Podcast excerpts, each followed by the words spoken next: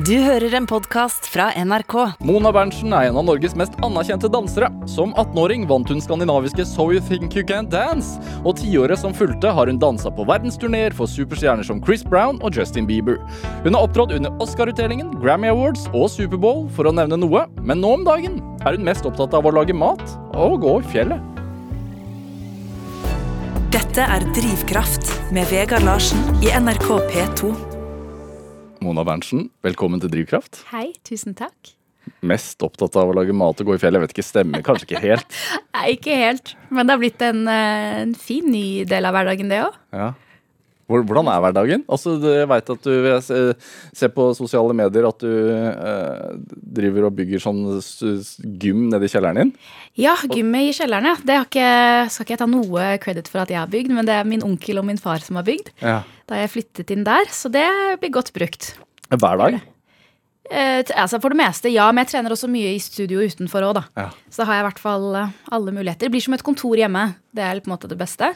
Hvordan er liksom Er det Når man har dansa på det nivået du har eh, gjort og gjør, Mm. er det eh, er du litt som en toppidrettsutøver? Altså i forhold til rutine på morgenen og mat og treningsøkter og sånn? Jeg vil si det er akkurat det det blir. Det blir at hele hverdagen er preget rundt det jeg skal gjøre og hva det skal brukes til. Da. Alt har en funksjon, alt har en grunn til hvorfor jeg skal gjøre det. Så det er et liv som er ganske, hva skal man si, handler om meg, meg og mitt og hva jeg skal gjøre for å prestere bedre. Det er jo ganske spesiell hverdag, men det er sånn det har vært da, siden jeg var ganske ung. Ja. Hvor avhengig er du av at liksom kroppen funker maksimalt? Jeg vil si at jeg er veldig avhengig av at kroppen funker maksimalt. Ellers så funker ikke mitt yrke i det hele tatt. Og jeg har jo lært det på den verste måten òg, det med skader og, og det at det plutselig stopper opp, da. Fordi veldig ofte i min verden så er det den derre the show must go on-greia. Så som danser så er du egentlig ikke skada. Sånn gåseøyne. Aldri. I hvert fall Har du dansa noen gang Altså, du, du veit du er skada, men du har en, en performance å gjøre, så du har ikke sjanse til å la være? Ja, jeg tror nesten kanskje 90% av min karriere har vært sånn. Nei, er det sant? Jo, jeg vil si det. For at det som er da med dansing, det er så veldig sånn Man kan jo gå inn på det, da, på det, det hvordan jeg funker. Så har min hverdag f.eks. i en produksjon vært at det er minimum nitimersdager. Ja, hva, når du sier én produksjon, hva betyr det? F.eks. en turné. da. Ja. På oppstarten til en turné så har vi ca. to-tre måneder med innstudering og produksjon. Som vil da kanskje ni timer seks dager i uka. Ja.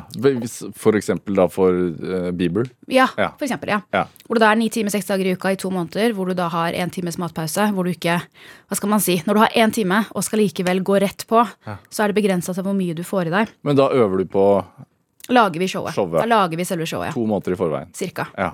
Det er alt der spørs hvilke- hvor stort showet skal være, da, men f.eks. en verdensturné for, for f.eks. Justin, da. Ja. Så var det det vi hadde.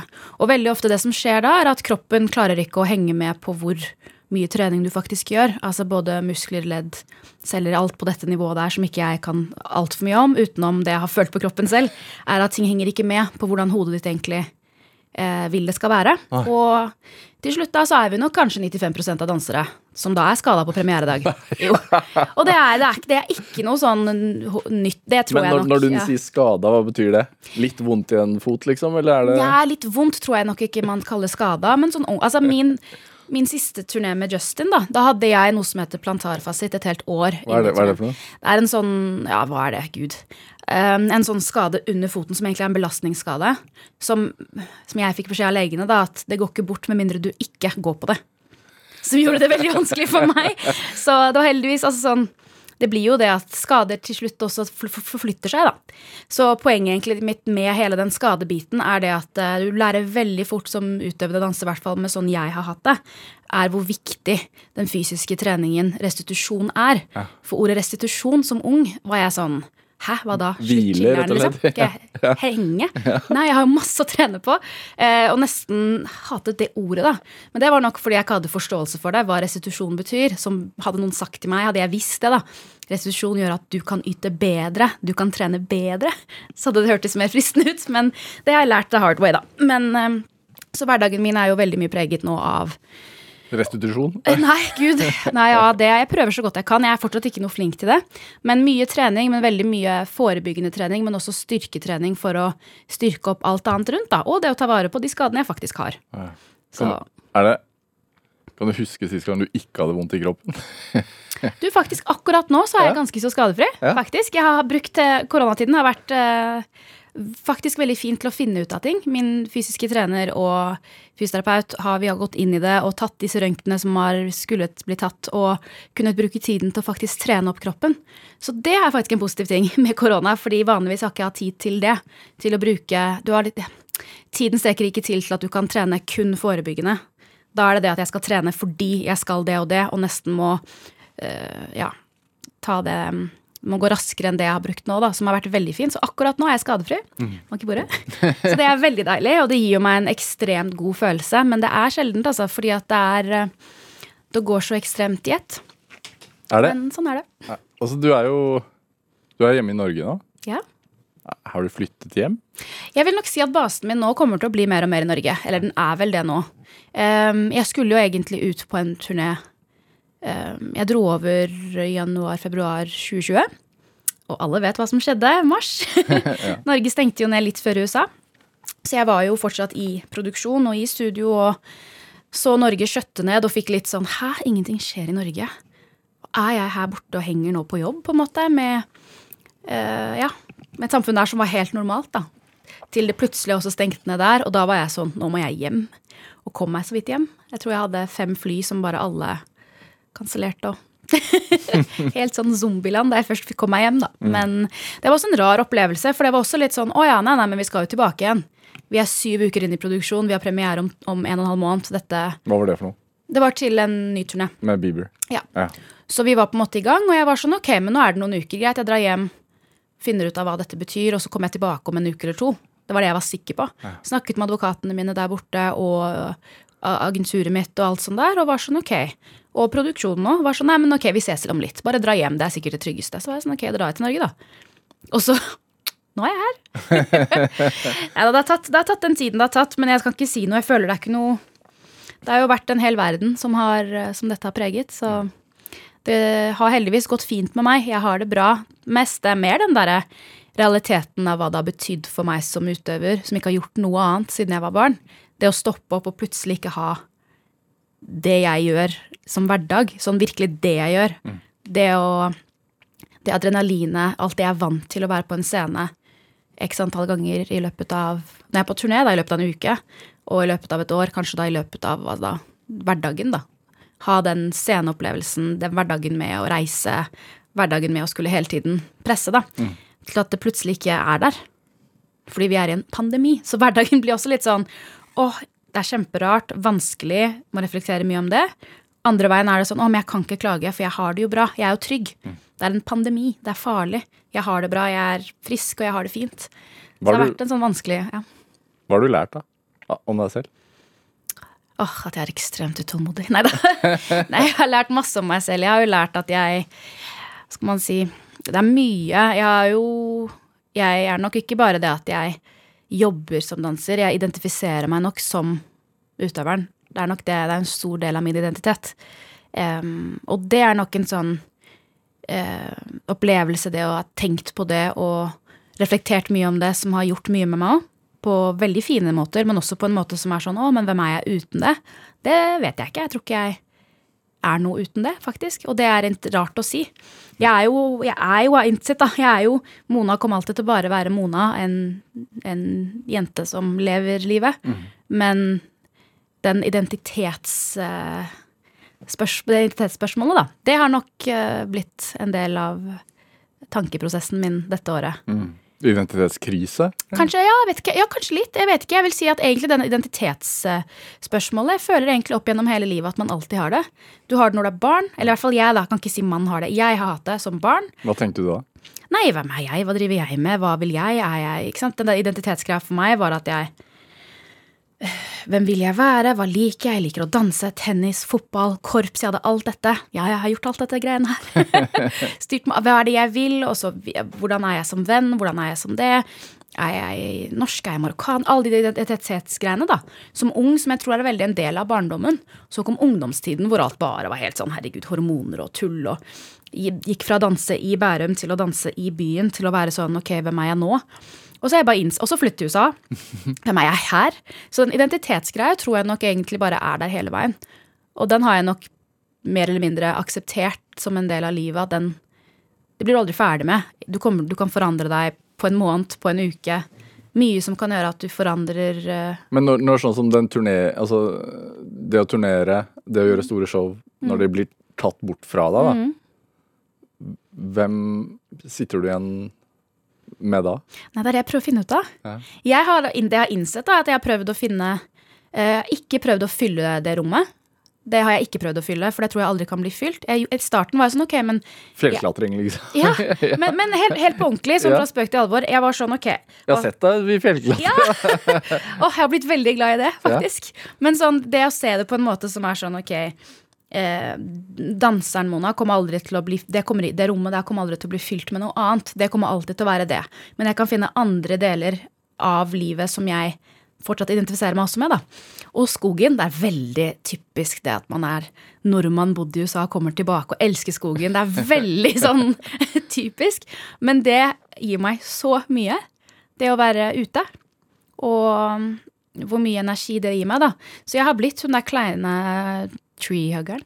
Men du sier at eh, altså, danseren Mona, den, det det fyller deg med. Mm. Hva er det? Um, trygghet. Og så er det nok den der delen av meg som jeg tror bare alltid har vært der. Den har alltid vært så sikker, så trygg. Det har aldri vært et spørsmål om noe annet. Det har alltid vært den jeg er, og det er nok fordi jeg har hatt det siden jeg var liten.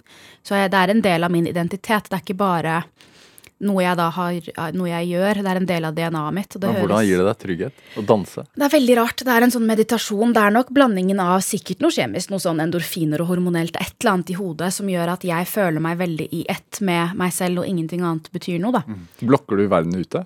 Ja. Ja. Det er en sånn gæren kunstnergreie. Eller bare det er det i hvert fall noe som jeg føler er, er i meg selv, da. Som er eh, Men hva føler du ikke Altså, føler du rytmen, eller lukker du øynene Altså, kunne du lukket øynene på et vis? Altså sånn, hva, hva ja, Kan du beskrive godt- det? Det er et veldig godt spørsmål. Jeg merker at jeg er veldig dårlig på å svare på det. For det er en del av sånn bare utenomjordisk, ingenting betyr noe, i en verden hvor jeg egentlig går rundt og tenker veldig mye. Sånn i treningsfasen, jeg, du, det, er en, det er en måte å se meg selv i speilet og trene og presse, og det er et press der, og det har alltid vært det siden jeg også var ung. Men akkurat i det sekundet jeg danser, så er ingenting noe. Det bare er stille, og det er ingenting ehm, som betyr noe, og det gir meg en glede. Dette er Drivkraft med Vegard Larsen i NRK P2. Og i dag er eh, danseren Mona Berntsen her hos meg i Drivkraft på NRK P2. Danseren, jeg vet ikke. Også, hva slags stiler danser du? Eh, jeg vil si for det meste street og hiphop. Det er det. Jeg har nok trent og vært borti det meste, både fra jazz og, og latin ballroom og, og litt forskjellig. Men det jeg gjør mest av, er hiphop. Og det er nok blitt det pga. hvilken vei jeg har gått da, som danser i den kommersielle, vil jeg si, verden med turnéliv. Så da handler det om hvilken musikk artisten jeg jobber for, har, da. Ja, og hvordan hvordan, hvordan vil man beskrive den dansen, egentlig? Altså en Nei, jeg vil nok si det går inn under på en måte Det går inn under hiphop, men så er det jo musikken de fleste artistene jeg har jobbet for, spiller, er nok pop. ja. Det er jo popmusikk de gjør, både om det skulle være Timberlake eller Bieber eller Madonna, eller så er det jo pop de gjør. Så, men min stil alene tar jeg bort når jeg står på scenen med en artist og danser alene, så er det hiphop. Du tar bort din egen, egenart? Nei, al aldri. Jeg er Nei. alltid meg selv i det. Men hvis man skal snakke ren musikk, musikksjanger versus dansesjanger, så er det nok en blanding. Fordi som danser så er du på en måte, i hvert fall i det jeg gjør, da. Ikke, jeg kan ikke si som danser, for at man alt er jo forskjellig om du er i Carte Blanche eller, eller Oslo Dansensemble, eller om du er i et streetkompani. Men, men for meg, da, det jeg mener som en danser, er at du burde for å jobbe kommersielt som jeg gjør, så burde du ha så mye stiler under beltet som mulig, fordi til slutt så kan du gjøre Uansett hvilken jobb du vil gjøre, så kan du gjøre det selv. Du, du på en måte kan stå stødig i ditt vokabulær, da. Hva var det første du lærte deg å danse? Første Ja. Oh, Hvis jeg skal ta det helt tilbake, så Ja. var det nok hjemme i stua med mamma og pappa.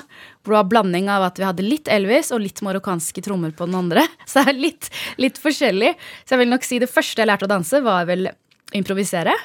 Ren freestyle. Mens det jeg begynte, da jeg først begynte på danseskole, så begynte jeg på noe som het jazzballett. da. Ja. På den tiden het det jazzballett. I Bærum. I Bærum, ja. På Ekstua. Ja. På Bajas. Og merket du allerede tidlig at du var et talent? Jeg tror jeg aldri egentlig har tenkt på meg noe som så talent. Talent er så sterkt ord. Jeg klarer jeg har aldri tenkt på det, tror jeg, som meg selv. Jeg tror jeg tenkte mer sånn åh, det her liker jeg så godt. Så når uken min da egentlig var preget av at jeg likte skolen godt, men jeg spilte også i korps, og jeg spilte tennis, og jeg spilte fotball, og innså nå at å ja, jeg vil danse mer enn det jeg vil spille fotball. Jeg vil danse mer enn det jeg vil spille tennis.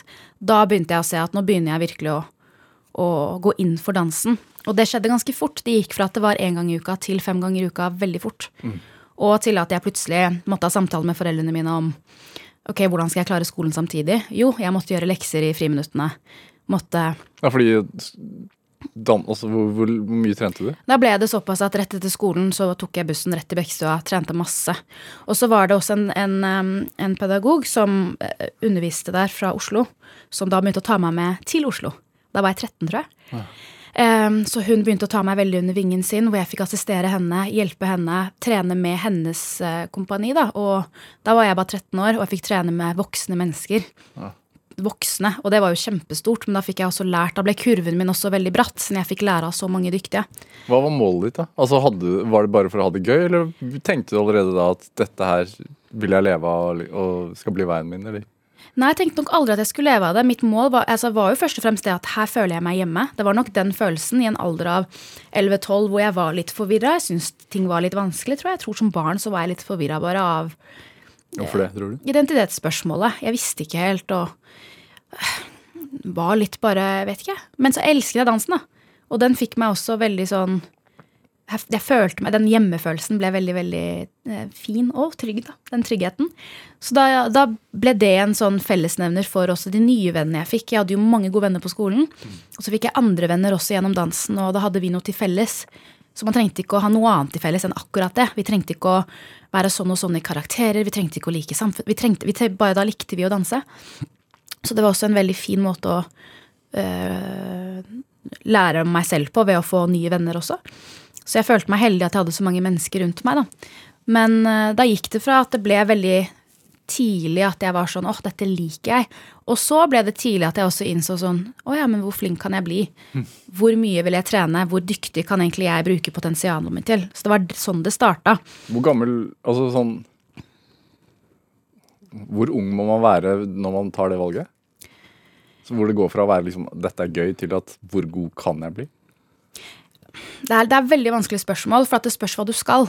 Sånn skal du danse fordi du virkelig elsker det og kun skal ha det som hobby og like det på den måten, så vil jeg si du er ikke noe alder på det. Der kan du alltid trene deg opp om du er 60 år og plutselig ikke Alt det der, selvfølgelig. Men skal du, skal du satse på det som Når du gjør lidenskapen til kontorarbeidet ditt, mm. så er jo hva skal man si eh, Aldersgapet i all idrett er jo lavt. Det er jo ganske ung alder på veldig mye idrett. Og det handler om at du kan formes veldig annerledes når du er yngre. Du kan, kroppen din funker annerledes når du er 14 enn når du er 40. Og det er rent bare hvordan vi er skapt. Mm. Men, Så der vil jeg nok separere det veldig på om du skal ha det kun som lidenskap fordi du har lyst til å danse og, og bruke det som en del av din hverdag. Da kan du også tenke hvor god kan du bli. Men skal du leve av den på den måten, så vil jeg nok si at man kan heller sammenligne det med all idrett hvor eh, det er få fotballspillere som starter når de er 35 og skal satse. Ja, men det er akkurat det jeg også mener med dansere. Da er det veldig ofte at du starter ung fordi du har en annen type Du har ikke så mye hemninger, og du kan på en måte formes på en helt annen måte når du er yngre. Ja. Så jeg vil nok heller dra den sammenligningen, da. Men teorien er kanskje bedre? Altså man er kanskje sterkere på teorien nå? Sånn tenke gjennom hvordan man skal gjøre ting? Mm, når man er eldre. Når man blir eldre. Ja. Når du blir eldre, Absolutt. Altså ja. det, men det er også noen ganger i danseverden Ja, det er ofte det. Og noen ganger når det teoretiske i hodet ditt funker, så mister du også noe med kroppen, for da tenker du noen ganger for mye ja. enn å bare gjøre det. Men altså Mitt motto hele livet mitt tror jeg ganske mye, som jeg fikk brukt veldig i 71 grader nord, for å si det sånn, er den der 'ikke tenk, bare gjør' som jeg tror veldig mange barn har. Du tenker jo, ikke, Hvis du ber et barn om å gjøre noe, så nesten bare gjør de det, enn å tenke over teoretisk skal jeg løfte hånden og foten samtidig for å ikke sant? Det er en annen type Men Tenker du ikke sånn når du danser? Å løfte hånden, løfte foten? Ja. Nei. Nei. Men det kanskje kommer av altså sånn, Noen ganger når du skal trene teknikk, så tenker du nok på det. Ja. Men igjen, som barn, jeg tror man bare har en annen type måte å bare hoppe ut i det på tenker ikke så mye på Men, men du, du, du, du, snakker om lidenskapen. Mm. Når lidenskapen blir kontorjobben, ja. hvordan bevarer man lidenskapen da? Nei, du, Det er et veldig godt spørsmål, og der har jeg ikke noe fasitsvar. Jeg har kun det jeg har gjort. Har det vært like lett? Alltid? Ikke alltid, nei. Fordi det har jo vært tider hvor eh, For jeg har jo alltid egentlig tenkt dansen er alltid der. Uansett hva annet som skjer i livet mitt, så er min kjærlighet og min trygghet i dansen alltid der. Og så plutselig opplevde jeg at åh, nå syns jeg det er vanskelig. Eller spesielt da jeg flyttet til USA, da. Da jeg var 19-20 år og dro fra venner, familie. Det jeg også så som trygghet. Da var det ikke bare dansen som var trygghet mer. Det å ikke ha mennesker som er der. Ting jeg tok for gitt. Det å skulle dra på danseklasse, og hvis du ikke er der, så merker de at du ikke er der. Da spør noen etter deg. Det plutselig mistet jeg. Det å eh, snakke med noen etter en danseklasse, gå hjem med noen etter Altså alt det vanlige trygghetsgreiene som ikke jeg tenkte over var en så stor del av livet mitt. da. Som jeg plutselig begynte å savne. Det rent menneskelig følte meg veldig alene. Da var ikke dansen trygghet mer, fordi det ga meg ikke Det klarte ikke å dekke over den kjærligheten jeg følte jeg hadde mistet da, i venner og familie. Og jeg var såpass ung at jeg hadde aldri tenkt på at de ikke var der. Al- Aldri tenkt på at jeg ikke får ha disse samtalene med en venninne, eller jeg får ikke vært like mye til stede i, i familielivet. Alle disse tingene som jeg bare Ja, For du dro til USA og tenkte nå skal jeg leve drømmen? Ja. Ja. Jeg skal få prøve drømmen. Skal Ja. prøve og se om det går. Ja. Det var det jeg tenkte. Men da ble plutselig alle de vanlige menneskelige tingene veldig sånn Å ja, men å, jeg har ikke snakket på noen dager. Jeg har ikke åpnet munnen min og snakket på noen dager, for jeg har ingen å snakke med. Jeg ble plutselig veldig en realitet, da. Og i en så ung alder så ble det også veldig sånn Jeg var ikke, jeg var ikke forberedt på hvor tungt det egentlig skulle være. Og så begynte veldig mye annet enn treningen. Altså, det begynte å handle om så mye annet enn at jeg bare skulle trene, som var det jeg kunne. Trene, bli bedre. Er jeg dårlig på det? Jeg finner ut av det. Bli bedre. Jeg har i hvert fall noe i kontrollen min til å gjøre noe med det. Får ikke jeg det til, så er det min feil. Jeg kan trene på det. Det var min sånn mentalitet jeg følte jeg behersket. Og så plutselig begynte jeg å Skulle det handle om Hva skal man si? Hollywood er Hollywood, da. Det skulle være så mye annet. Hva, hva betyr det? Nei, altså jeg tenker sånn Det er ekstremt ærlig. Jeg vil nok beskrive Hollywood som ærlig uten det er ikke noe kjære mor, som jeg syns er ekstremt bra med Hollywood. Hollywood er Hollywood. Og jeg måtte innse etter hvert at jeg kan aldri forandre Hollywood, men jeg kan kontrollere hvordan jeg Men Hvordan merket du det? Hvordan merket du at det ikke var noe kjære mor? Det er, nok en, det er nok en kulturforskjell også. Vi kommer fra Norge, hvor vi er jo altså det er jo så, Alle er så snille og gode. Man har en annen type måte å være på. Så tror jeg nok også bare det kom fra at jeg kommer fra community. Jeg kommer fra dansecommunity. Om det er danseklasser, dansefamilie. Man blir veldig tett når man jobber så mye sammen. Til å plutselig stå helt alene. Hadde ikke innsett hvor viktig det egentlig hadde vært for meg og min læring også. Hvor mye det hadde har vært med på å forme meg som danser, er jo mennesker rundt. Det er ikke bare en lærer, det er alle rundt som har vært med på å forme meg. Som jeg plutselig var sånn Oi, hele alt det der som jeg aldri har tenkt på. Plutselig nå var det eneste jeg tenkte på. Sånn, jeg trenger, jeg må, Hvem skal jeg trene med? Hvem er, hvor er folka rundt meg? Ingen som Er det noe sånn ensomhetsøyeblikk du husker? Jeg vil nok si at jeg har en lang periode der borte hvor jeg var veldig ensom. Ja. Veldig lenge. Og m- måtte nok Jeg traff veggen veldig hardt før jeg Var det tidlig? Tidlig. Ja. Og det var lenge. Hvis jeg husker riktig, så var det ganske lenge før jeg faktisk klarte å plukke meg selv opp. på en måte, For det, det, ble, det ble så hardt for meg. Og så merket jeg sånn men gud, jeg passer jo kanskje ikke inn. Jeg elsker dansen, men jeg, alt dette rundt er ikke Ja. Får ikke jeg til, da. Hva, Men men hva var det? Møter med folk og selge seg selv, liksom? Eller? ja, veldig sånn. Hvor det ble plutselig veldig tydelig at å, nå må jeg selge meg selv. Og jeg måtte plutselig fikk beskjed om å lære meg en sånn elevator presentation. Som jeg fortsatt en dag i dag er sånn hæ? Hvor jeg ble bedt om å Jo, du skal selge deg selv inn til et menneske du møter. Fra personen kommer inn i en heis til den går ut av en annen. Det var liksom det bildet jeg skulle ha i hodet mitt. Hvor jeg har aldri Jeg kommer fra en verden hvor du ikke snakker, du bare gjør. Du beviser med handling, ikke med ord.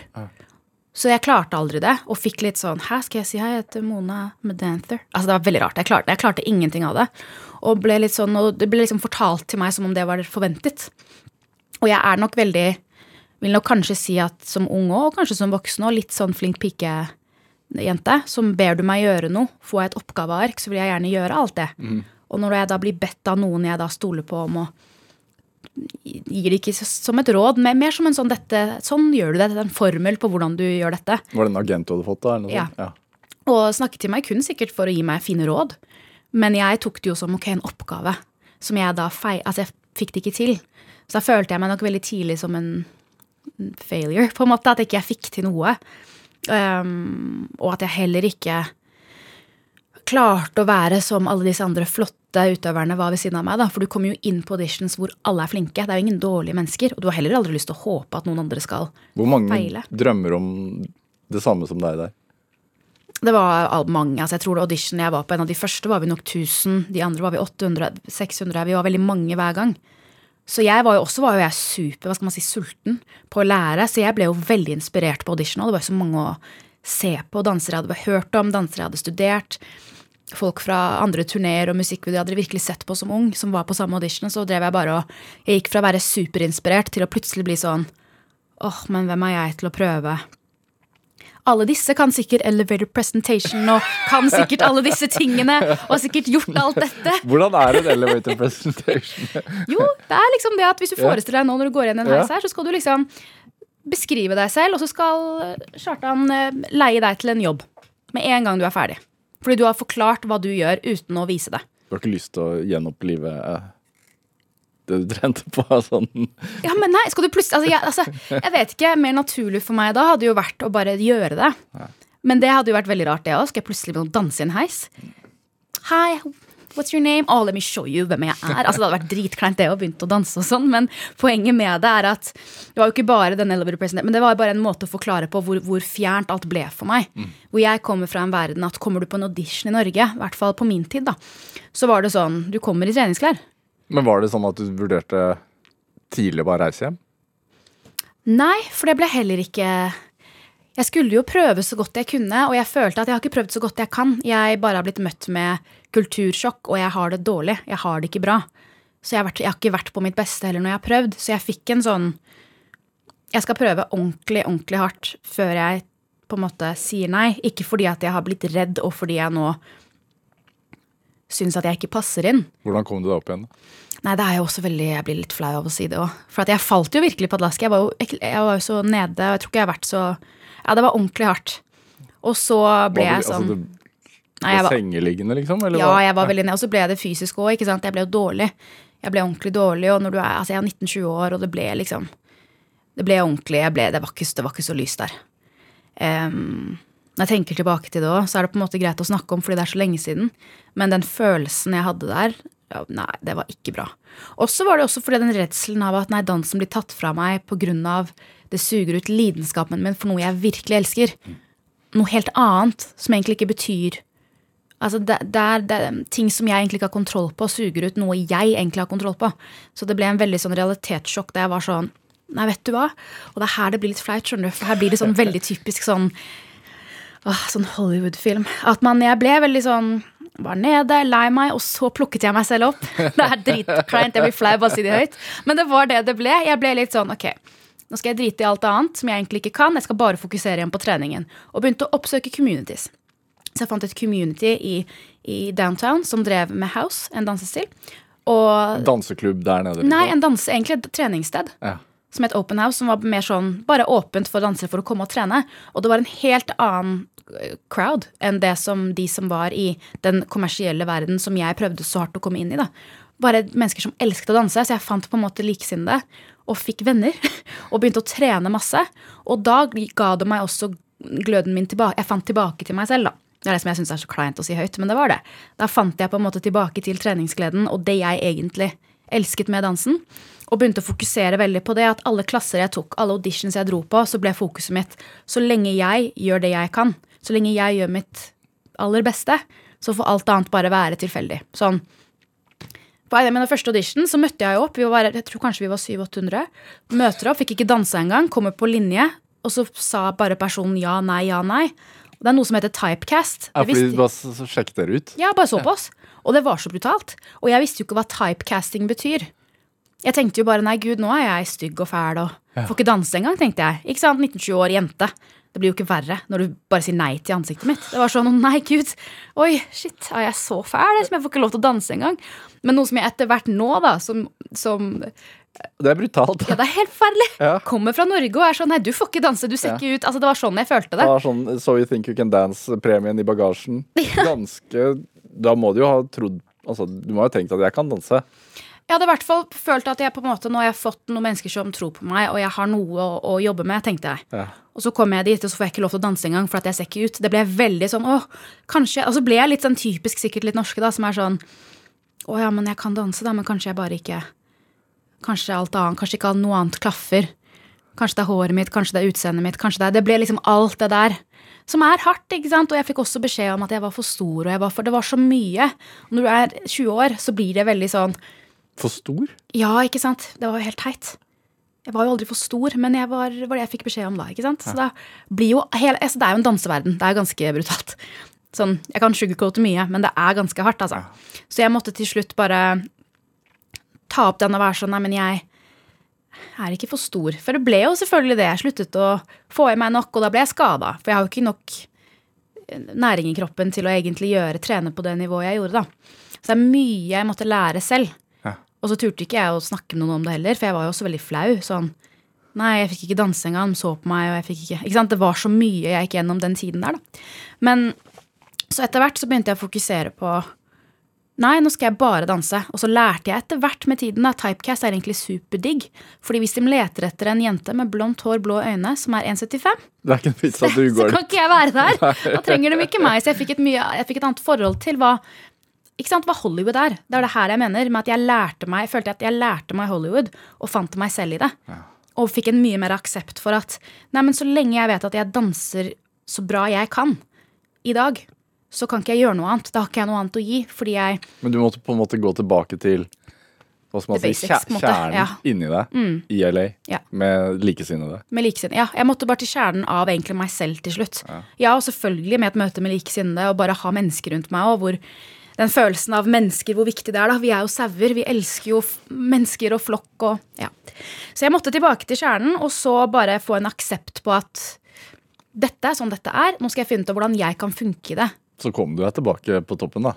Ja. Det, er det, det er det du sier. Det er en klassisk Hollywood-film. Det er skikkelig kleint å si, men det Det var ikke sånn det var. Det er, Det er det litt kleint. kleint, det er så fint. Det er jo så fint. Jeg får frysninger av det. Det er en klassisk Hollywood-story. Men det jeg kan si, da, altså, som, som voksen nå, så er jeg så takknemlig for at jeg fikk mine Altså alle mine nei, da. Da jeg først fikk mitt første ja, så var det etter jeg hadde funnet kjernen og var bra, på en måte. At det ikke var da jeg prøvde å være noe jeg egentlig ikke var, og var så ulykkelig som jeg var. Jeg er så glad for at det ikke var da. For jeg er jo bekymret for hva som kunne skjedd da. Hadde jeg fått en bekreftelse som så ung med alt dette jeg prøvde å gjøre som egentlig ikke var Jeg var jo ikke noe bra i hjertet mitt i det hele tatt men prøvde på det ytre. Hadde jeg fått ja da, så vet ikke jeg hva som kunne skjedd. da. Det kunne vært en veldig usunn spiral. Så jeg er takknemlig for at jeg traff veggen og fikk den derre den der kleine Hollywood-historien, da. Eh, Mona Berntsen, vi må spille litt musikk. Ja. Spille Alicia Keys, 'Girl on Fire'. Du har jo opptrådt med Kis også. Ja. Ja. Hva, hva er det å fortelle om denne sangen? Nei, altså dette er en av mine ja, sånn menneskelige samtidig som danseopplevelse eh, opptreden jeg har fått gjort, hvor jeg gjorde en eh, solo med henne. Bare at jeg danset oppå et piano, og hun spilte på det andre. Og hele den uken der hvor vi hadde innstudering, var så ekstremt fantastisk flott. Og der var det også på en måte en liten sånn hyllest i hjertet mitt med at jeg kan være den jeg er, og fikk lov til å være den jeg var, i et studio med en så ekstremt begavet artist, men også menneske. Så ja. Føler du litt at hun synger om deg? oh, jeg tror egentlig hun synger om seg selv, men jeg speiler meg nok i det hun sier. Så det er veldig fint. She's just a girl and she's on fire. Hotter than a fantasy, lonely like a highway.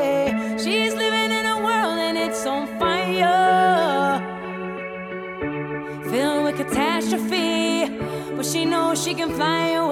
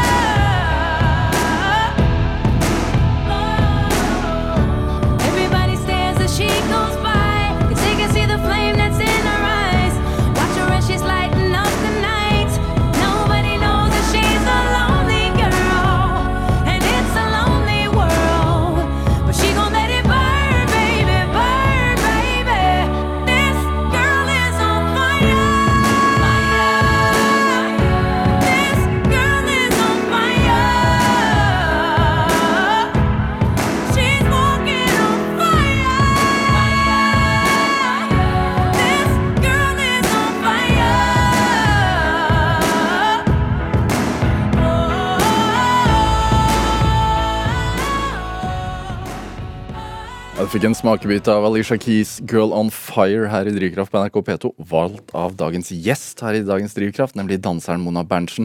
Altså Når du hører den låta nå, merk, altså, sitter koreografien fra da du danset på piano, som Alicia Keys spilte på, i kroppen? Ja, det er noe av det som sitter, men det jeg tror faktisk sitter mest, er minnene av hele eh, treningsperioden, om jeg kan si det. Fordi sceneopplevelsen er så veldig sånn Det er på en måte det lille du gjør, Ja. som er opptreden, som det folk får se. Men alt jeg husker, er mer hele uken av opptrening med oss i studio, da. Um, hvor på et punkt så var det jo uten bandet. Det var bare Alicia på piano, meg på et annet piano, koreograf i rommet. Hvor det blir så ekstremt uh, nakent, da. Ja. Men også veldig, veldig fint. Og den opplevelsen der å høre hun forklare sangen og hva hun ønsker å få fram, og prøve å, å vise det med min kropp, da, uten ord. Hun tar ordene og musikken i det, mens jeg prøver å finne min måte med koreografen på hvordan vi har lyst til å fremme hennes budskap, da. Men når man da er tre kvinner i et rom og skal liksom, lage noe til Girl on Fire, så var det veldig sterkt. Og det å få den tilliten av koreografen, og aksepten fra Alicia at jeg var riktig menneske for dette, var Hvor mye det kommuniserer dere underveis? Altså sånn Legger hun seg opp i hvordan du danser? Altså, kan dere altså, det, altså Akkurat med henne så gjorde hun ikke det. Da var det bare at jeg fikk være fri, og koreografen var den som på en måte Som er øh, Forklarer hva jeg kan forandre på, eller gjøre det, eller å, gjør det en gang til, eller alt dette. Ja. Men man er jo, vi var jo bare tre i studio da, så det var bare oss tre som prøvde å finne ut av hvordan vi ønsket å ha dette, da. Men i andre, andre settinger så kan en artist ha mye mer øh, å si, da, hvordan de ønsker at noen skal, skal være. Hvem er det som er mest på, da? At de har jobbet med. Ja. Det er nok mest de artistene som skal danse det selv. Da handler det om det er Madonna eller Timberlake eller Justin eller Chris, så handler det mer om de også skal gjøre samme trinn. Ja. Så da handler det om om de Får det til? jo, det var det du skulle si. Nei, det var ikke det jeg skulle si! Nei, Men om de, om de føler det, da. Om de på en måte syns det er fint på deres kropp. For det er jo visse ting Får det til. Nei! Nei, men så, som, som team da, så skal jo vi se sterke ut, og det er jo ikke noe altså, sånn surprise å stikke under en stol at når du danser bak en artist, så er det jo artisten sitt show. Ja. Så det er jo de som skal se sterkest ut. Om du er proff utøver, danseutøver, så skal du egentlig kunne, hva skal man si, gjøre hva som helst. Men når du da skal backe en artist, så handler det om å få artisten så godt fram som mulig. Så da er de nok mye mer Da er de jo med oss hele tiden når vi lager det òg, omtrent. Så det er sånn man, man, man står bak der, og altså, hele poenget med koreografien er å bygge opp Showet egentlig til artisten. Ja, for Ja. Han, dem, han eller hun da er hovedpersonen, og så er alle vi rundt en del av det. da. Og så har jeg vært veldig heldig, det kan jeg si rett ut. Jeg har vært ekstremt heldig med å ha sjefer som har satt så pris på dansen. Og oss som utøvere, at vi har, en, har hatt en fantastisk behandling og respekt. da. Det, det kommer jo fra artisten selv, men også koreografen, regi, produksjon, alt rundt. At det bygger opp under dans. da. Og det handler nok om at jeg har nok vært med på veldig mange danseharde shows. Og artister som danser mye da, i sine sanger. Så det har jeg vært veldig heldig med. Ja. Og det er, eh, at det er dans nesten hele Hele veien. Ja. Og fok- fokuset er også dans, og det har vært veldig, der har jeg vært heldig. For du har dessverre kollegavenner av meg som da gjør for da, bak en artist som kanskje ikke har mye dans, eller ikke har fokus på det. Eller så dessverre hører man jo skrekkhistorier om, om historier som dessverre er ufine da, med artister, men der er jeg veldig heldig. Mine sjefer har vært helt Ja, jeg har vært veldig heldig der. Er det Hvor mange har du danset foran? Som på det meste? Som publikummessig. Ja. Jeg tror Altså Hvis du tar bort Superbowl, da, mener du TV da, eller live publikum? Live. Live publikum? Jeg tror kanskje det er 100 Jeg tror Brasil-showet vårt Jeg tror, hvis jeg husker riktig, Hvem var var du der med? med Justin. Ja. Det var stadiumshow. 100 000 Jeg tror det. Ja. tror det var noe sånt. Det var helt vanvittig. Det var jo på et punkt hvor jeg stoppet opp og måtte hjelpe en jente. Ja, da fikk jeg helt vondt, for det var- heller ikke Hva er det sånn at du stoppet og måtte hjelpe? en jente opp, for at hun falt, og så var jeg sånn Ga hun vann? For det var, det var så mye. Og en annen danser. Nei, en, en jente i publikum. Oi. Jeg skulle bare flytte meg fra en scene til en annen, og så så jeg en jente som, en liten ung jente som Jeg tenkte bare hun trenger vann, så jeg, ga henne, for jeg løp bak og hentet, mens jeg hadde pause. Det er egentlig da jeg skulle bare kle på meg noe annet. Ja. Så gikk jeg hentet vann, for det var, det var så mange folk. Og sånne stadiumshows hvor det ikke er liksom seter eller Ja. Ja. Men igjen, man blir veldig nært folk da, på den måten. Blir du sånn rørt av det? Eller du merker at, du, at det går litt inn på deg å tenke tilbake på det? Ja, altså for jeg tenker sånn når man står sånn, da, og du virkelig Altså, det er jo ikke, det er jo ikke til meg, jeg er jo der og backer en artist. Ja. Så publikum der er jo for den jeg jobber for. Men jeg ser kjærligheten i øynene til de menneskene som virkelig digger dette, da. Digger han. Og så husker jeg meg selv da jeg så eh, shows før, så var jo min opplevelse var jo danserne. Jeg gikk, så jo på Selvfølgelig elsket jeg Janet og Michael og alle de som hadde disse danseshowene, men det var også danserne rundt. Jeg sto jo opp for å se på VMA for å se showet. Så jeg husker det så godt. Så jeg er veldig sånn Jeg vet ikke, jeg syns ja, Jeg syns i hvert fall Igjen, det bunner i mennesker, da. Vi er bare mennesker. Jeg er heldig som får gjøre det jeg elsker å gjøre, men det står kanskje hun jenta der ønsker å bli danser, da. Ja. Eller kanskje hun ønsker å synge. Men uansett, så Tenker Så- du over det når du står på scenen, eller kommer det til deg etterpå? Akkurat når jeg står på scenen, så tenker jeg ikke så mye. Da er jeg bare Men tar du inn over deg at det er 100 000 mennesker foran deg? Noen ganger, ja, da var det veldig massivt. Men så er det jo en del i hodet mitt også som er sånn Det er for han, men det går bra. Jeg er en del av hans team, i hvert fall nå. Men det er jo for artisten jeg jobber for. Men det er også helt massivt å på en måte kunne være en del av det. Være en del av å, av å ha min man, hvor team er man? Jo, du er veldig team. Du ser jo ikke andre mennesker på flere år, holdt jeg på å si. Ja. Man er ganske tett. Med danserne og Bandet. artistene og alt. Ja, ja, alle rundt. Man, blir et, man drar på turné sammen og er et team. Ja. Det er sånn som nå som jeg har lært etter 71 grader nord, så har jeg lært den derre bobla. Det er veldig boble på turné òg, altså. Det var på en måte min sammenligning med følelsen. Ja. er Null problem for deg på 71 grader nord, for du har vært, vært med på det i mange år. Men det bare blir det samme, på en måte. Det er akkurat det samme. Ingenting annet betyr noe. Du er veldig boblete. Det er de du reiser med, det er de som du opplever mye med. Det er bare det at dette er lengre. Det er på en måte, jeg tror med lengste jeg har gjort, var to og et halvt år med promoturné og da i forkant. Det er lenge. Bare reising. Ja. Jeg tror det ene året hadde jeg 280 reisedager, tror jeg. Hvor sterke bånd blir det? Du blir, du, man blir veldig tett, altså. Men du også lærer deg ikke sant? Du lærer deg også veldig når du har gjort turnélivet. Første turné, da var jeg 21. Da var det veldig sånn alt var nytt. Det å være i en ny by, alt, alt ble plutselig veldig sånn. Og etter hvert så får du veldig respekt for sånn, du er på jobb. Du er på jobb 24-7 når du er på turné. Ja. Det er ikke som om når du gjør eh, et awardshow, da. Gjør du Grammys i LA, så går du på trening, du går på scenen, du går hjem, på en måte, imellom. Ja. Mens når du er på turné, så jobber du 24-7. Er du på en middag, så er du på jobb. Er du bare, alt liksom rundt betyr noe. Du er en, en Ja. Så det er, det er jo hardt, det òg. Det er det reiselivet er heller ikke for alle. Og det som jeg synes er så fint som danseutøver, da, er at Hvor rock'n'roll er det? det er ganske rock'n'roll. Neida, Men det, det kan jeg si rett ut. Som danser, da, så på en måte du må ta dine valg, for at du bruker kroppen din fysisk. Ja. Og du er avhengig av at kroppen din funker, så du må jobbe ekstremt hardt for å vedvare den gjennom de årene. Du må opp på alle fridager og gå og trene de fysiske treningene. Du må passe på kroppen din, du må spise riktig, få i deg nok vann. Det er mye du må passe på. Hva er Og sånn aldersmessig? Det spørs hva du skal. Ja. Men for deg, tenker du? Aldersmessig. Ja, altså sånn Kan, altså, kan du reise ut på turné som 40-åring? Du kan det. Ja. Er det det mange? Det, jeg, tror, jeg tror det er noen, men det som, er, det som jeg tror er viktig, da det, Men igjen, da må jeg presisere at det er jo mitt liv, da, som vil si at du er på reisefot og borte fra alt i flere måneder. Det må jeg presisere, for at du kan være danseutøver mye lenger enn det. Du kan være i Carte Blanche, Oslo Dansensemble, Operaen. Du kan være en del av mange andre ting. Eller Street Cruise kan du være i så lenge du, du vil, og så lenge kroppen din fungerer. Men akkurat det reiselivet og det utøvende livet jeg har, handler det da mer om mennesket når kapittelskiftet ditt skal skje. Når ønsker du at du skal ha én base, du skal ha én hverdag, du skal eventuelt ha en familie? Det er mer de valgene du må ta, som med det jeg gjør, da. Fordi det å være borte så mye som jeg har vært gjennom mitt liv, er ikke for alle. Og det å være så mye alene. Jeg måtte jo lære veldig tidlig å gå fra den perioden jeg var ekstremt ensom, til å kunne være alene uten å være ensom. Og det ble en superviktig lærdom for meg, som jeg etter hvert ble. Hvordan lærer man det? Du må være veldig mye alene. Nei, men jeg tror, tror for meg så ble det sånn Jeg måtte realisere det. Bare litt ble en realitet. Sånn åh, men nå har jeg det veldig bra. Jeg går og spiser middag, middag alene og henger her alene. Jeg vil gå og se det bandet spille live. Nå drar jeg og gjør det alene. Ikke, og bare gjør meg uavhengig av alt rundt meg.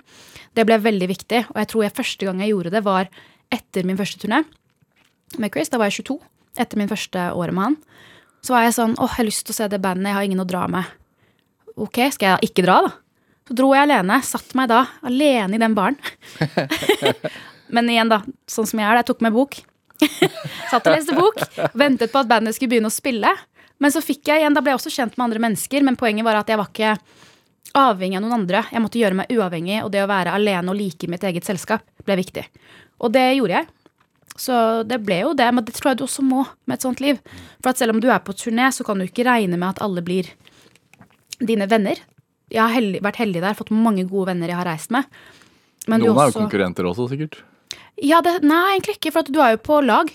Da er du på en måte et fotballag som reiser rundt omkring, Ja. og vi som lag må spille hverandre opp. Det er det. Det er bare du, Hvis du forestiller deg, da, du kan ikke bli skada. Skada går ikke, fordi da er det mange som er klare for å ta jobben din.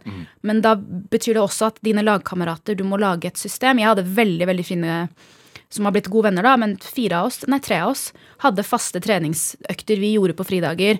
Faste økter vi gjorde på reisedager for å bare beholde kroppen vår så sterk som mulig. Og den plantarfasitten jeg startet turneen med, var jo borte etter et år, så jeg hadde jo ett år uten den. Og det forandret jo alt for meg. Jeg ble jo i ordentlig, ordentlig fin form. Men igjen, det krever mye. Du, du må gjøre de uttøyingene etter show. Du, du, Ja. du nevner kapitler i livet. Ja. Hva, hva, hvordan vil du beskrive kapitlet du er inne i nå? Koronapandemikapitlet. Nei, akkurat nå Nå er pandemien over, i hvert fall her i Norge. Ja, den er det, men den, er, altså, den bransjen jeg er i, tar nok litt mer tid å på en måte stable seg opp på beina igjen.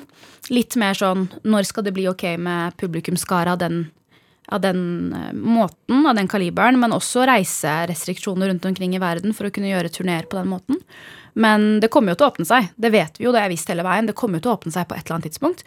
Og så har jeg vært litt sånn med meg selv sånn Hva enn som føles riktig ut for meg, og det er rart å tenke på nå at nå er det snart to år siden jeg egentlig skulle Eller siden jeg var der og trente på det. Um, men jeg har respekt for livet, jeg har respekt for kapittelskiftene. Uansett hvor rart og vanskelig det kommer til å bli.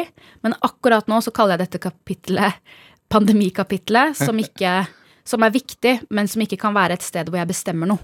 Det kan det ikke. Så um, når USA på en måte Og ikke, ikke USA, for det jo, jeg kunne jo reise tilbake, men det er mer om Jeg må ta det som det kommer, det med turneen. Um, og akkurat nå så trives jeg med å undervise. Nå har akkurat det også åpnet seg. Endelig fått lov til det. Vært i Bergen, blant annet. Ja, skal til Bodø til helgen nå. Gleder meg masse. Så det på en måte har blitt Jeg prøver å ta litt av litt av gangen. Så det å kunne undervise igjen, for det er også noe jeg har savna. Hvor rastløs er du? Ja, ganske. Ganske. men, Altså, men sånn, du, ja. ja. Det er faktisk helt sykt at du spør, fordi at eh, rett før jeg skulle på 71, så sier min fysiske trener Marcel han er sånn, ja, Mona, jeg tror du faktisk skal begynne på en annen, bare noe annet, en annen sport, bare for å ha noe du kan eh, hva skal man si, Han sa det ikke sånn, da, men det jeg vil si, være litt dårlig på, og så mestre. Fordi jeg, jeg elsker egentlig den følelsen av å lære noe nytt. Så han sa for at det å trene på noe uten å ha noe å trene til, er jo veldig vanskelig. Og hele det året her så har vi jo trent på eh, egentlig rydde opp i skadene mine, men også vi har vi jo ventet på å kunne trene til en potensiell Ja. turné til, da. Men det har jo vært så vanskelig. Men da vi da har vært sånn, ja, kanskje du skal starte på noe nytt, så kommer jeg hjem fra 71. Så sier jeg til han, for han egentlig bare foreslo padel, et eller annet sånt jeg bare kan på en måte gjøre som er gøy, men fortsatt fysisk aktivitet, men noe moro. Kom jeg hjem til han, så sa jeg til han, jeg vet, jeg vet hva jeg skal starte på. Det er klatring. For jeg fikk en helt rå opplevelse der med, med fjell og naturen på den måten at um, jeg fikk på en måte, Det var en gang jeg sto inni inne i, uten å røpe for mye av ting som skjer på TV, men hvor jeg har en opplevelse i skogen der hvor jeg får en sånn Åh, jeg har ikke vært på scenen på ett og et halvt år, og jeg får en sånn følelse over meg av adrenalin. Som er sånn Akkurat det jeg føler nå, er det jeg vanligvis føler på scenen. Og da ble jeg sånn Det er det her jeg også må gjøre. Dette må bli en del av hverdagen min. Klatring. Ja. Og skogen Ja. og kakao og norsk natur. Hva er vel 100 000 i publikum når man har kakao? Men jeg tenker, altså, Og så har du begynt å lage mat. Altså På Matkanalen så lager du eh, marokkansk eh, mat. Ja. eh, Eller ja, vel, marokkansk inspirert mat, vil jeg vil si. Det er vel litt Ja. sånn Det er jo ikke marokkansk mat, den kan ikke jeg ta på meg ennå. Der, er- der er mamma fortsatt proff. Men den standhaftigheten din, altså den, for du må jo være ganske sta når du har stått i det du har gjort, f.eks. Mm. når du var ganske langt nede og sånn. Så, hvor- er, det, er det noe du har fått med deg hjemmefra? Den, Ja, altså hva skal man si? Jeg er jo oppvokst med en nordnorsk far og en nordafrikansk mor. Jeg vil nok si at er, Beskriv den komboen. uh, de er ganske likere enn det man skulle trodd. Altså. Nord-Afrika og Nord-Norge er ganske så rett fram, skal jeg si det. Nei, altså de er, eh, hva skal man si, eh, full av kjærlighet begge to, men ekstremt ærlige. Og hardtarbeidende og sta begge to. Så det er nok der jeg har det fra. Ja. Men flink pikementaliteten din, da? Det er kanskje der òg. Man skal på en måte, det er i hvert fall, tror jeg, det kommer nok er sikkert en del av hvem jeg også bare er, men også derfra, fra familie, at man alltid skal gjøre sitt beste og, og stå på og aldri gi seg, da. Ingenting skal stoppe deg. Og det, det jeg nok har lært gjennom hele min karriere, at jeg skal i hvert fall ikke ta noen valg når jeg er så langt nede. Jeg skal ikke ta valg som jeg kan angre på når jeg da er på topp igjen, så kommer jeg til å angre på det fordi jeg tok et valg da jeg hadde det vondt. Enn å heller fikse det, få deg bedre, så kan du ta valget. For da står du for det på en helt annen måte, og da er det på en måte bundet i en respekt og kjærlighet for deg selv enn at det er bundet i nei, nå har jeg det så dritt, nå vil jeg ikke mer. For det tror jeg kan resultere i anger, da. Og det er ikke så lett å si det til seg Det selv når man er langt nede. Da. det er ikke det, men det for på en måte har vært veldig sånn viktig for meg å beholde. Og jeg har ikke alltid klart å gjøre det, men jeg prøver så godt jeg kan. For at jeg har det å ta valg når du har det så ille, det er ikke, det er ikke Jeg jeg i hvert fall For meg da har ikke det vært det stedet jeg ønsker å ta et valg, fordi jeg er heller redd for å angre enn å, enn å kunne stå for noe og være klar i mitt valg og være ok med det. Samme som da jeg bare skulle reise òg. Reise fra alt i Norge, ble signa i USA og skulle reise. Det var mye jeg tenkte å nei, men hva hvis det, og nå har jeg fått kontrakt der, det, og hva hvis det. Og så dro jeg. Og jeg husker pappa sa så godt, han bare men Mona, det er nå du må satse. Du har blitt signa i USA, du er 19 år. Reis. Går det ikke, så kom tilbake og gjør det du gjør her. Altså, det var full støtte. Full støtte. Og det gjorde nok også mye at jeg fikk også lysten. At jeg hadde støtte hjemmefra. Og det at jeg også var jo, ville gjøre skole. ikke sant? Jeg var, var så glad i skolen nå. Og også kulturelt fra begge sider av familien. Du skal jo gjøre skolen. Du skal være flink på skolen, og Har du du skal gjort det samtidig? Nei. Mye av det gjorde jeg samtidig, men da jeg ble signa og skulle flytte, så måtte jeg, da kunne jeg ikke fortsette. Ja. Men da ble jo det også en sånn eh, flink pike-greia. Da gikk jo et ska, en skala ned, det å ikke fullføre og alt dette. Ble også veldig sånn en sånn Skammet meg over det og syntes det var leit. Tenker du noen ganger sånn at det var danser jeg ble, liksom? Det var det jeg valgte? Eller tenker du at eh, man kan, jeg kan ta skole igjen eh, seinere? Men jeg, tenk, jeg har tenkt hele veien da at jeg kan alltid ta skole igjen, og det var nok det for at pappa sa ve- veldig tydelig på det. Du kan alltid ta skole, du kan ikke alltid satse dans. Du blir ikke alltid signa i USA. Det er ikke alltid noen i USA ser deg og gir deg en mulighet. Det må du gjøre nå. Skole kan du ta opp igjen. Um, og den setningen gjorde mye for meg som 19-åring da han sa det. Fordi den bekreftelsen den klarte ikke jeg, den klarte ikke jeg å ta eller se selv, da. Du sa i stad at uh, dine advokater der borte Ja, Ah, har eller én, da. Jeg har én advokat. ja, Men har du et team som jobber for deg nå i USA? Altså sånn Jeg har, jeg har agentene mine som er der, ja. Ja. Mm. Så jeg har det, og så har jeg advokaten min, ja. Så det er på en måte det som er teamet der, da. ja. Så jeg har agentene mine som har vært mine siden, ja, siden jeg flytta. Og har vært samme hele veien. Så de har vært gjennom hele reisen med, med meg. Men får, de, får du tilbud fra, nå om dagen? Om? Ja, altså Nå har jeg sagt tydelig at jeg er her, men det har jo vært med, med, mens jeg har vært der at det har vært det, ja. Og så har det jo vært ting som, som ikke da passer, og, og som må føles riktig. da. Og det er noe som har skjedd også gjennom karrieren, som jeg tror gjør for alle. Du går fra et sted hvor du da vil gjøre alt for du vil lære så mye som mulig, og bare sier ja til alt, for at alt er en takknemlighet, hvis du skjønner, til at du til slutt går over til ok, men hvem er jeg, hvilke jobber ønsker jeg å stå for, hva betyr noe for meg? Um, Hva har vært liksom, basisen der? Eller hva har du valgt på bakgrunn av? Bakgrunnen av er at, er at uh, det må gi meg mer enn at jeg bare skal gjøre et show til. Det må være noe med både artisten, teamet, meg som vil jobbe for den artisten, ønsker å lære av den artisten, liker musikken artisten har. Det må være mye mer, da. Også fordi man innser tidlig i et eh, utøvende yrke som meg, da, det, det er ikke bare artisten. Det er teamet rundt. Det er regi, det er koreograf, det er lysdesigner. Det er så mange du har å lære av, da. Og der synes jeg, altså er jeg så takknemlig for at jeg har jobbet med de showene jeg har, for jeg har lært av så mange. Og, og artistene jeg har fått jobbet for, er så ekstremt dyktige i sitt, men da har de også de helt De har så rå folk rundt seg. Så du kan sitte med en trommis og på en måte nerde deg på dette trommesettet, da, fordi at vi alle på en sånn turné er nerder i vårt felt. Jeg er jo en nerd, hvis du skjønner. Totalt. Jeg har ikke gjort noe annet. Jeg har jo bare dansa, vært i studio og drevet og svetta på meg selv og svetta på folk. Jeg er jo en nerd, men det er jo veldig mange i feltet, så jeg har veldig mye respekt for andre som også er nerd i noe. og jeg egentlig tenker på ordet nerd som på veldig positivt. Men når du er på en turné på den måten, så har jo du den råeste lysdesigneren, LED-designer Du har så mange folk om beinet som du på en måte mm. oppser rundt og, og har lyst til å bli kjent med. Da. Litt sånn 'Å, fortell hvordan begynte du med pyro?' Fortell om det. Ja, men sånn, ikke sant? For man er til slutt Tar du bort det at man er danser, tar du bort at du er en helt rå trommis, så er man mennesker som egentlig har en lidenskap for noe. Og en drivkraft i noe. Og det er det som bunner i alt, da. Og hva er din drivkraft, da? Det er et veldig stort spørsmål, men jeg tror at min drivkraft bunner i kjærlighet. Kjærlighet til noe. Kjærlighet i en følelse. Følelsen jeg får av å gjøre av, av å danse, eller følelsen jeg får i å føle meg helt fri. Det bunner nok, har jeg kommet fram til, i kjærlighet. Så jeg tror nok det er min drivkraft. Mona Berntsen, tusen takk for at du kom hit eh, til Drivkraft. Takk for at jeg fikk komme. Hør eh, flere samtaler i Drivkraft på nrk.no, i NRK-appen eller last oss ned som podkast. Send oss gjerne ris og ros og tips til mennesker du mener har drivkraft. Send en e-posten til drivkraft, krøllalfa, nrk.no. Vi hører veldig gjerne fra deg. Produsent i dag det var Kjartan Aarsand. Julia Martincic gjorde research. Anne Sofie Stang bidro også sterkt til denne sendingen. Nå så får du straks siste nytt fra NRK Nyheter her i P2. Jeg heter Vega Larsen. Vi høres. Du har hørt en podkast fra NRK. De nyeste episodene og alle radiokanalene hører du i appen NRK Radio.